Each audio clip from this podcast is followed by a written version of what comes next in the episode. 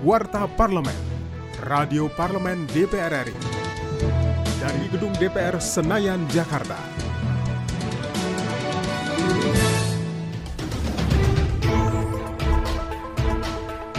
Dalam rapat panitia kerja atau panja bersama pemerintah terkait pemulihan pariwisata akibat COVID-19 di Komplek Parlemen Senayan, Jakarta baru-baru ini, anggota Komisi 10 DPR RI Dewi Koryati mengungkapkan, DPR RI mengapresiasi kesiapan Kementerian Pariwisata dan Ekonomi Kreatif beserta stakeholder terkait untuk membuka kembali destinasi wisata di masa new normal. Ia juga berharap stakeholder bidang pariwisata dapat segera mempersiapkan panduan berwisata di era new normal dalam bentuk bloket maupun video agar mudah dipahami oleh masyarakat.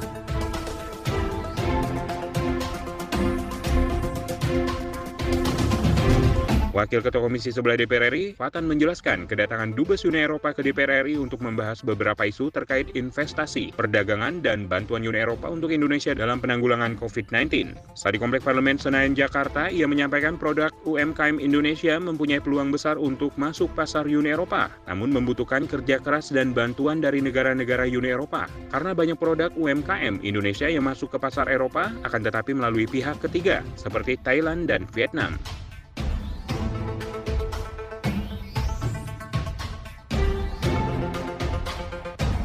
Komisi 9 DPR RI mendesak pemerintah lebih ketat mengawasi seluruh perusahaan untuk mencegah adanya perusahaan yang memanfaatkan kondisi pandemik untuk melakukan PHK sepihak tanpa pesangon. Hal tersebut ditegaskan oleh anggota Komisi 9 DPR RI, Neti Prasetyani, dalam rapat kerja dengan Menteri Ketenagakerjaan di Gedung DPR Senayan, Jakarta. Ia mengkritisi fungsi pengawasan pemerintah dengan banyaknya PHK sepihak yang dimanfaatkan situasi pandemi karena ketentuan mengenai PHK harus mengacu pada Undang-Undang Nomor 13 Tahun 2003.